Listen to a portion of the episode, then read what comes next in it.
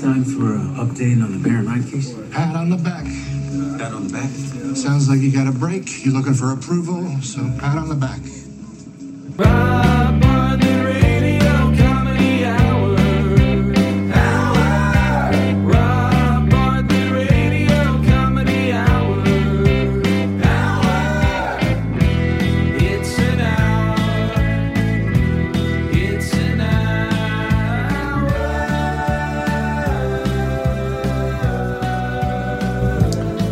Welcome to the Rob Bartlett Radio Comedy Hour. I am Rob Bartlett, and this is my Radio Comedy Hour.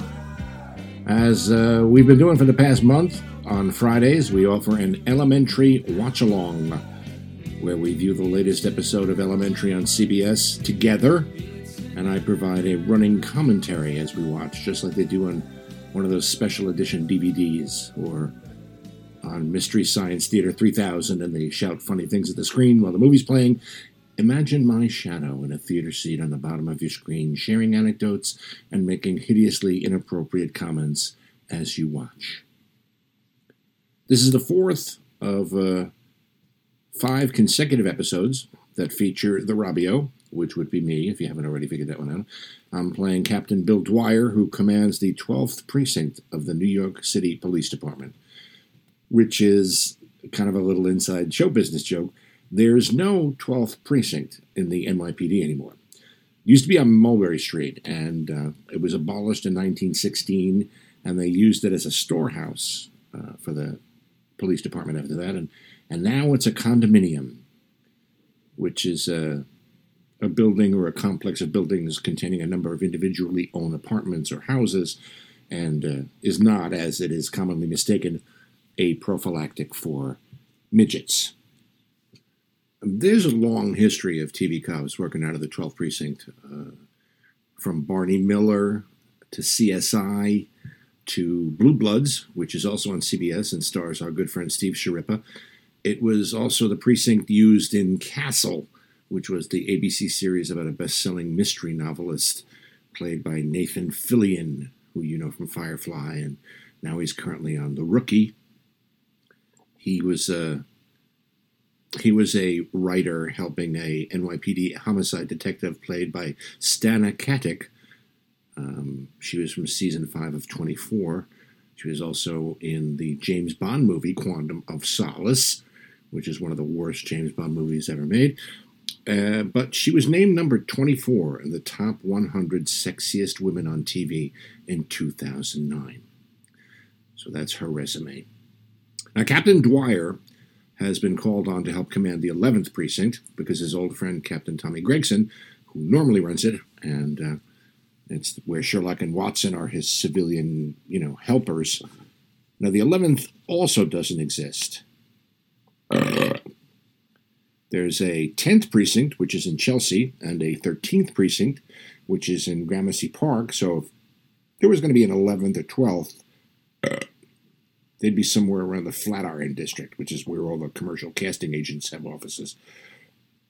Although the original 12th was down on Mulberry Street, as I said before, which would be Little Italy in Chinatown, which would be my choice, only because I'd be the top cop and could eat at Wo Hop's and Puglia's for free. Dwyer is Captain Tommy Gregson's old friend. Captain Gregson, played by Aidan Quinn, who I got to do my very last scene with on the show, which will air next week. He's the captain of the 11th, the precinct that Sherlock and Watson help out in. He got shot at the beginning of this season and was in intensive care with a prognosis that wasn't all that great. But then two episodes ago, he got better, which was good for him. Not so good for Captain Dwyer, or at least me, which of course is all we care about because it's all about me. Uh, next week's episode is my last, but it's the best of the five, I gotta say, that I did. Is two great scenes, a very satisfying end to a great character who was written brilliantly, and uh, I have to say, in all, all due respect, acted brilliantly as well. Anyway, I think you're up to speed, at least with Dwyer. There's a bunch of continuing storylines, which you should go back and start watching from the end of last season, season six, because the show's so intricately and brilliantly written. I have a hard time following it because, as we all know, I'm not a bright man. you can get a great synopsis of all the past episodes on tvfanatic.com. And you really should check out the episodes. On, you can probably get them on CBS All Access. It really is a great show. Uh, and I'm not being biased. I mean, I liked it before I was even on it. It's great writing, great directing, great acting, and it's smart.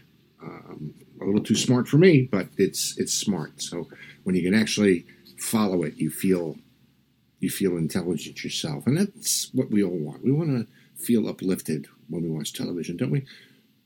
Uh, Lucy Liu, Jonny Lee Miller, Michael John Hill, Aidan Quinn, the four leads in the show are really amazing. And I got to say this, they couldn't be nicer or more welcoming to me. Really made me feel at home at the 11th, which is why now that Elementary has been canceled, I was hoping Captain Dwyer would get a spinoff. It's not too late, boys and girls, so let's start thinking about a write in campaign to make that happen. You know, the fans got another season out of it that way. It had been canceled last year, but it was resurrected this year because the fans clamored for it, which was a challenge for the writers because they had pretty much tied up everybody's story at the end of last season. Sherlock and Watson wound up going to London. Uh, they were next door neighbors, and that was supposed to be that. So when they came back, that's why Gregson got shot, which made him come back to the USA and New York and the 11th Precinct to be there for their friend Captain Gregson. So here's how the watch along works. If you have last night's episode DVR'd, pull it up on your TV, put your earphones in, and listen to this podcast as you watch. Or even better, go to CBS.com and stream it, which I will be doing tonight. And uh, it actually might actually sync up better that way. So put this podcast on pause right now and go do that. And when you get back, we can begin.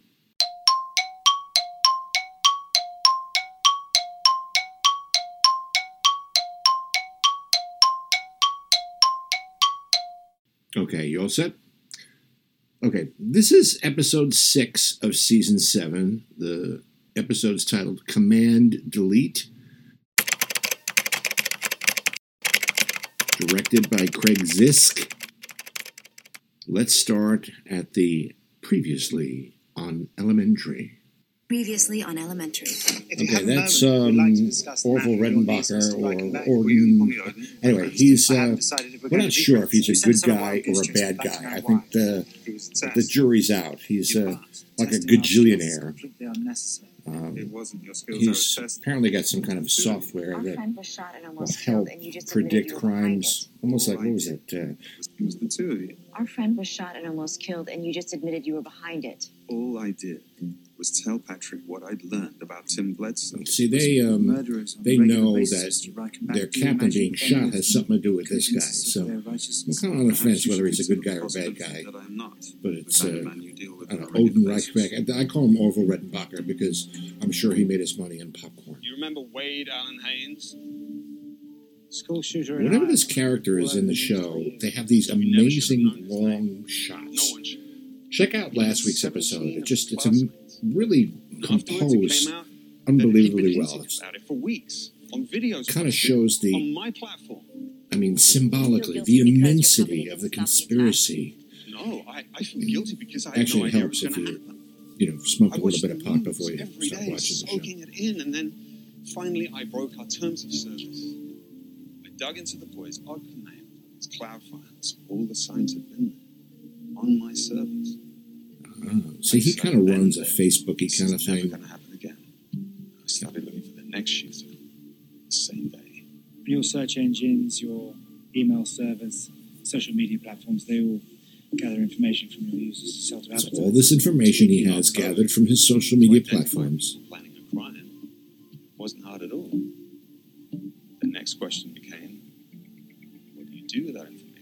Tim Ah. Bledsoe and the ferry, that wasn't the first time you acted.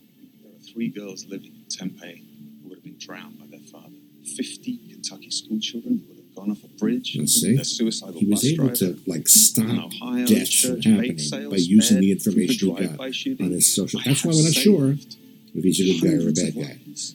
You've Yeah, turned You'll see like as the, the show goes on exactly You what the nudged them situation to is. Take out potential killers. Why not just tell the authorities? Oh, we can't do that. Take out potential killers. Why not just tell the authorities? Oh, we can't do that. Could never reveal that he violated his user's privacy. No. hmm his, his business, his fortune, possibly his freedom. See, There's always a downside to something good. that we would ever consider joining your stable of executioners. hmm That's not what I'm. No. What are you proposing then? Mia's was a hammer. What I need now is a scalpel. You two understand the criminal mind. He had a I need hammer, now he wants a scalpel. the. See, he wants to be more avert so many specific. Are you following this? Because I'm I'm lost. I'm answer right now. completely fucking lost at this point. I have no idea what's going on. Other than the fact that this guy has the ability to predict when people are going to have crimes based on what they post on his social media site. Thanks for coming so fast. Of course. Jon Michael Hill, Changed while I was on my way. Marcus over. Bell. Davis called, tell you where he is. I'm telling you, Marcus, something Great is wrong. Hey, NYPD looks out for its own. he reminds me of Clint Smith. Clint Smith is Eddie Murphy's When was the best last time you friend, and actually, Last night, I probably was funnier going than to Eddie. bed. Davis stayed up late in the garage working on one of he's his in uh, projects. 48 Hours. He plays up, Eddie's cellmate in was 48 Hours, Did you call his work? They said they haven't seen him. and he's also I in uh. What's Alan I Watching, which was the bag. The pilot that wound up being a special for CBS I talked to him, he back in the 80s that I did Because he hadn't- he said for Eddie. Murphy Television. Clint was one of how it is the uh, producers, but he was also Some good days, one of the guys in the James Brown sketch that was protesting to free James Brown guess they were because. James Brown was, you know, in jail for whatever he was doing. sleeping. Marcus, what if he decided he couldn't take it right, so basically, there's a retired cop He's got PTSD. He was a sniper. Not anymore. He sold them all when he got his medical Okay, discharge. supposedly he sold all his guns. He said he was working in the garage last night. Not working in the Did you show garage. me? You don't think he's going to find some gun parts in the sells this stuff, garage, right? do you? His new job doesn't pay much, and he still has to see so many doctors because of his injury. hmm Some are in network, but a lot of them aren't. The bills have really piled up. Another call for universal health He care. said Davis sold all his guns. After he got shot, he couldn't stand the sight of them. Hasn't touched one since. I don't know about that, Carla. These are parts to a bolt action rifle. Looks like Davis changed the stock, mounted the scope. Uh oh. He was turning it into a sniper rifle. Well, it, it appears that way, doesn't it, Marcus? Thing is, a sniper rifle isn't the kind of weapon you use to commit suicide. No. It's the kind of thing you use to kill someone else. Well, that would make sense. Okay, now, depending on whether you've DVR'd it or you're watching on CBS.com, is uh, a commercial break or the opening sequence with the marble, which is really cool. If you haven't seen it, you should, you should watch it. Uh, we're going to pick it up with the credits as the first segment begins. That was just the teaser opening. Now we're going to fast forward to the first segment. Okay, here's Sherlock using So a we've got new phones. nail How's it in gun. here? Ah, I'm done. If Odin Reichenbach's methods weren't so extreme, He's always I doing some kind of project, our electronics which run Otka software. And the captain would not have almost died from multiple gunshot wounds. Just so we're clear, we are not working with this guy, right? No. May not kill for money, but still a killer. Good. I thought Last maybe week he was mine just a making little sales pitch. napalm. I mean, in theory, it's ridiculous. I don't know what he was In doing with the nails I in the myself would be dead. iPad, I've seriously considered murder on at least two occasions. but Aidan Quinn, So by Captain Odin's Gregson, I should have been executed. Tim just in Gwynny. case. I can't believe he thinks the best way to don't know. prevent crime Mike is to monitor Watford. what people Who's say that? and look at on the internet. I mean, no one's on their best behavior. Rob Bartlett. Oh, there we go. Police threaten people. They're on billing in the guest reviews. stars. I'm hoping they make me a little higher next week because it's a little more Dwyer centric an How do you stop a episode. Enmeshed himself in the worldwide Maria Elena? Ramirez. I don't I worked with her I think this is too big for the NYPD. in a show. I can't remember for the life of me, but we definitely worked together to on some show. Great actress. Which is another reason we mustn't tell Marcus or the captain. They can't know, not yet. If word gets out, Reichenbach will know within hours. I don't want him on the defensive. He could lash out, hurt someone else. Okay, there's going to be a lot of twists and turns in this episode, so you really got to pay attention. So I'm just going to shut up for a second here. Are not exactly our friends right now. The NSA is the only agency with the technical wherewithal to untangle this knot. Oh, the NSA. You don't think Sherlock's going to go see the NSA, do you? You should help Marcus so he doesn't suspect anything's wrong. He needs help since when? Uh, since before I did this, he texted. He needs help with his own future crime. A former ESU sniper is at large with a rifle. I'm sorry. Okay, this don't is know the second Davis was doing to storyline now, rifle. Which you But the saw a guy I little know bit is before. not a Marcus is going after So far, the everyone here says potential the sniper. Davis didn't have a beef with anyone. Definitely not anyone here. The way you said here, Did he have an issue with someone someplace else? It's probably nothing, but I heard him on the phone with someone last week. He was pissed. Mhm. Said stuff like, I cut that footage, I want my money, don't want to mess with me. Uh oh. I'm confused. Davis is a video technician. He doesn't cut footage, he just keeps your gear running, right? Right. He isn't an editor, but that doesn't mean he hasn't used our editing bays. We mostly do commercials here, but we all have our little passion projects documentaries, movie shorts, stuff like that. Mm-hmm. So what do you think his passion project was? Time Just over the wait. few months. I think you'll be surprised. Whenever I asked him about it, he got all squirrely. Mm. I didn't push it. If he was editing something here, would he keep the files on his work computer? Probably. Video files are huge, and I never saw him lugging around a portable hard drive. So, All only right. thing, our computers are password protected.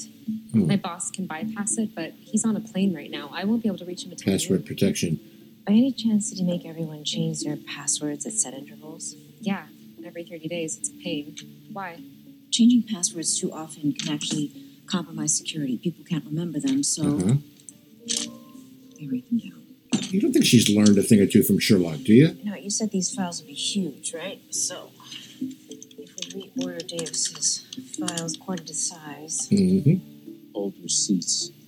Three terabytes. It's a little big for paperwork. Old receipts. let's take a look. Okay. Okay, so now I understand why he wanted to Okay. keep this a secret. it's not old receipts, but it's what everybody does on their computer.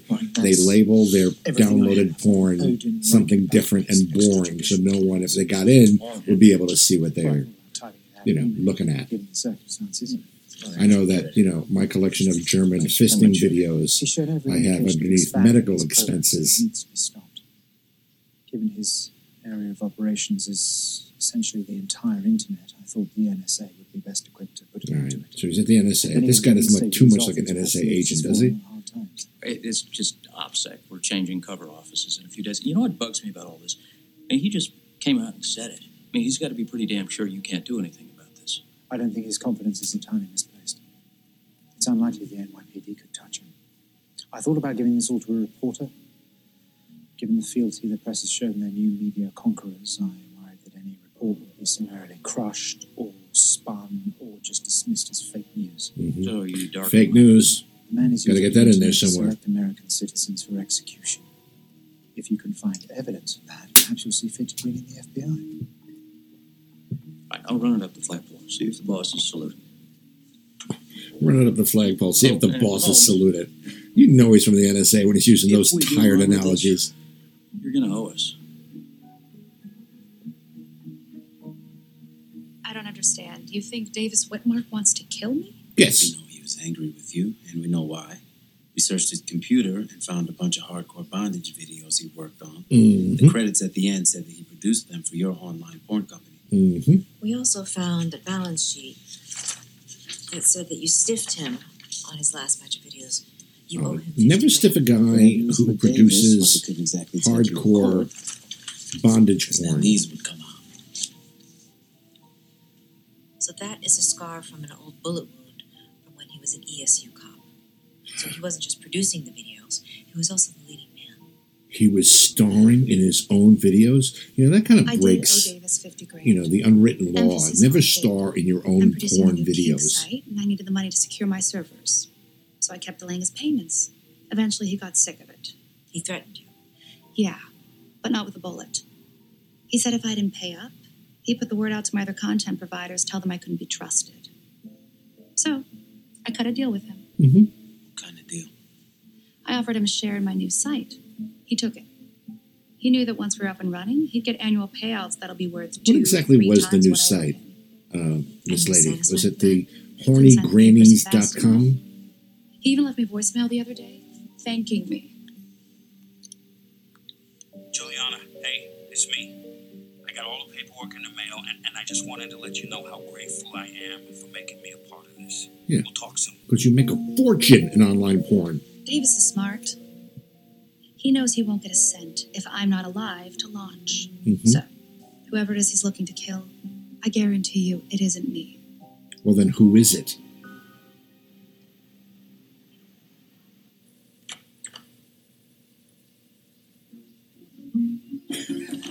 Sherlock always has some kind of equipment or some kind of Hey. some kind of toy. A couple weeks ago, he had the sensory deprivation Anyone tank. home? Tell me you didn't wear that to your meeting with Agent McNally. No, I didn't. That would have been good. Are You gonna tell me how it went? Mm-hmm. As well as can be expected, which means he'll get back to us. In the meantime, I've turned my attention to Marcus's missing friend. Oh, you got the Uh, files I sent you. now he's doing Marcus's Collected case. cinematic works of Davis Whitmark and the voicemail he left his would-be partner in porn. Mm. I saw no indication in any of the films that I watched that he was at odds with a fellow performer, despite the many thrashings. Of much more interest to me was the voicemail. I think it may contain a clue as to Mr. Whitmark's current whereabouts. Hmm. Now he's listening to the voicemail. Check this out. Are those pigeons? A densely packed mass of roosting pigeons, to be exact. When I noticed them in the background, I transferred the recording to tape so I could isolate and amplify. Now watch how brilliantly this Judging by the amount of wind I had to filter, I believe that the pigeons Sherlock figures this out. Jordan Rosenberg, the writer. I mean, this guy is unbelievable. So you think he was on the rooftop scouting for a sniper nest? According to the cell phone data that Marcus procured, the call was made near a cell phone tower in the East Village. Mm. Happily, there is only one rooftop coop in Of the course. entire area. One rooftop coop. For the record, I've advised Mr. Whitmark not to talk. Unfortunately, he doesn't seem inclined to listen. All right, this is a sniper guy. How much does Carla know? She knows what happened today. We found you with a sniper rifle. You hadn't hurt anyone. Surrendered peacefully. Everything else you can tell yourself. Yeah. Those, uh, those videos I made, those movies, Mm-hmm. they were just for the money. No, you didn't Guy enjoy it. That work. He's been editing for Juliana for years, and when he told me what she paid for content, I just. I love my wife. I believe you. But I also love I want to help. But first, we got to talk about today. What were you doing up on that roof? Mm-hmm. Let's find that out. I got a call about a week back. Okay. Number blocked, voice disguised. Whoever it was, they'd seen my videos. They knew it was me under the mask. Right, they were fans. They said that if I didn't follow orders, Carla would find out everything. Well, see, you can't you can't put yourself in a situation where somebody can hold over your head the fact that you're doing bondage videos, bondage porn videos. That's why you got to keep your nose clean. Any of you guys who are married who are thinking about going into the porn business, just you know, FYI. They just wanted me to shoot out the window, scare whoever was in 706. Okay. Look, I know how that sounds. Dude, it sounds like a Oh, really? How do you think it sounds? planning to kill someone, but I'm telling you, if that's what they wanted, I would have come to you. I've got a question about one of your guests. Of course, he's calling the hotel to find out who's in room 706. come on I'm no killer. No. That's what we call a red herring in the mystery business. They didn't say. They just said they wanted me up on that roof. hmm They said there'd be a disposable phone waiting for me, and they'd call me when it was time to shoot. There's always a burner phone. I was still waiting for the signal when you showed. You have a minute? A little more information here for you, Marcus. Cheryl called the hotel. The room Davis was supposed to shoot at was rented by a private security firm, AS Safeguard. He's on with them now. Uh, Miss Smith, could you just say that again, please? I said that my team reserved that room last week. We were situating a client who recently had an attempt made on his life. And your men, they would keep the blinds drawn, keep the client away ex-military, that's SOP. If the window were to be shattered by uh, a bullet from a sniper's rifle, perhaps that would flush them out. Is that what's going on today across the street? Police find a sniper. Your men noticed. I didn't like it. Called to say that they were moving the client to a safe house in the Bronx. So they left. I need you to call them right away. Uh oh. His team saw the sniper across the street, the commotion, and so they moved the guy they were protecting. But it looks like People know Affleck. it really didn't work out for him. So we're All right, commercial time. Let's Affleck fast forward insurance, right? to the next segment. Kevin Josh.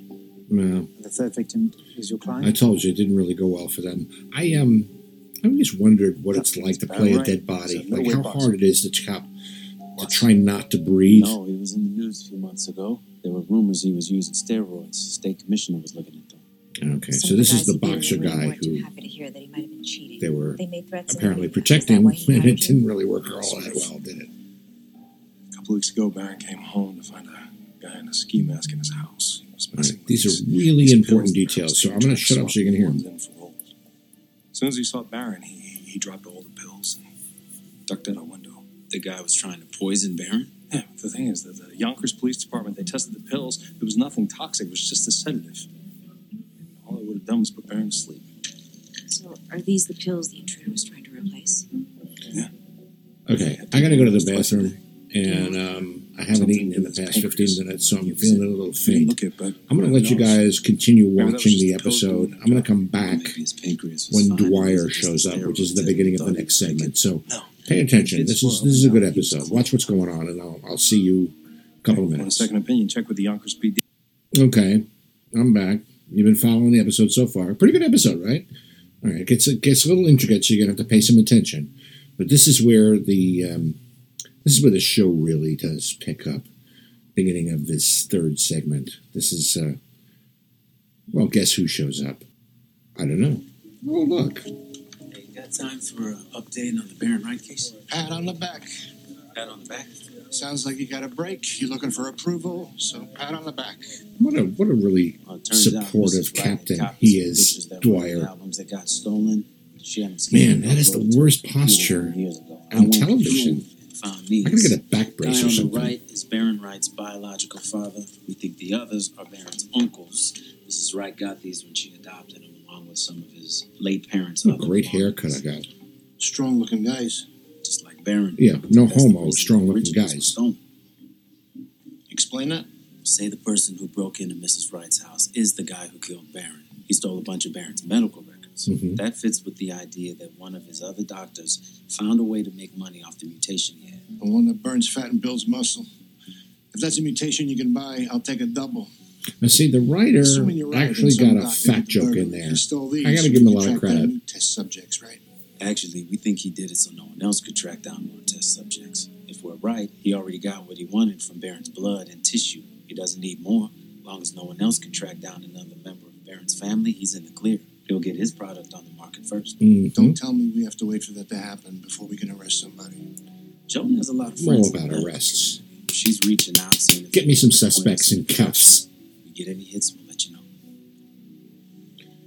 And then, of course, I make faces at the I don't know where you got this coffee from, but it is amazing. All right, well, that's where the episode ends for me, and so that pretty much ends this podcast.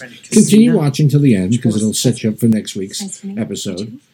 But uh, this is where I'm going to tap out. She travels the world, identify. I've seen it twice, three times already, and uh, it's it's a great episode. It's it's really plotted very well. So you continue to watch.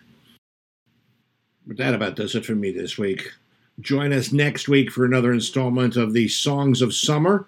We pick up in the middle of the 1980s. We're also going to have a Beatle episode with the latest in Beatle news, plus a review of the new movie yesterday. And of course, next Friday, join us for the final elementary watch along as the Captain Dwyer story arc draws to a close. There's been a spoiler or two online about next week's episode, but I'm going I'm going full on Sergeant Schultz on this one. I see nothing, I hear nothing. You could just have to wait and watch it for yourself. But it is Captain Dwyer at his finest, so don't miss that. Spread the word. Tell your friends and family about the Rob Bartlett Radio Comedy Hour. Get them to subscribe on Stitcher or Apple Podcasts or at robioradio.libsyn.com. Join in on the fun. When you subscribe, you don't have to physically download the episodes. All the new episodes will be waiting for you wherever you get your podcasts. And you can always catch up or revisit past episodes because I clicked the never expire button, so they'll be there in cyberspace for eternity future civilizations are going to be able to go back and listen to the phenomenon that was the Rob Bartlett Radio Comedy Hour and why the Robio is deified in the late 21st century. Stay informed about the show and all things Robio on our Rob Bartlett Radio Comedy Hour Facebook page, on Twitter at the Robio, on Instagram, Robio007 and Robio Radio Comedy. And you can always drop us a line, email us with questions, comments, encouragement, suggestions, recipes, whatever. We love to hear from you. Robio Radio Comedy Hour at gmail.com. Our program is produced by Gary Grant and me, Rob Bartlett. Written by me, Rob Bartlett, with spiritual and emotional guidance by the legendary Andrew Smith. The Rob Bartlett Radio Comedy Hour theme music and lyrics by Gary Grant, recorded and performed by Steve Mecca. No animals were harmed in the recording of this podcast. We'll see you next week with some more fine editions of the Rob Bartlett Radio Comedy Hour. Until then, have a great weekend and be good to each other. Won't you?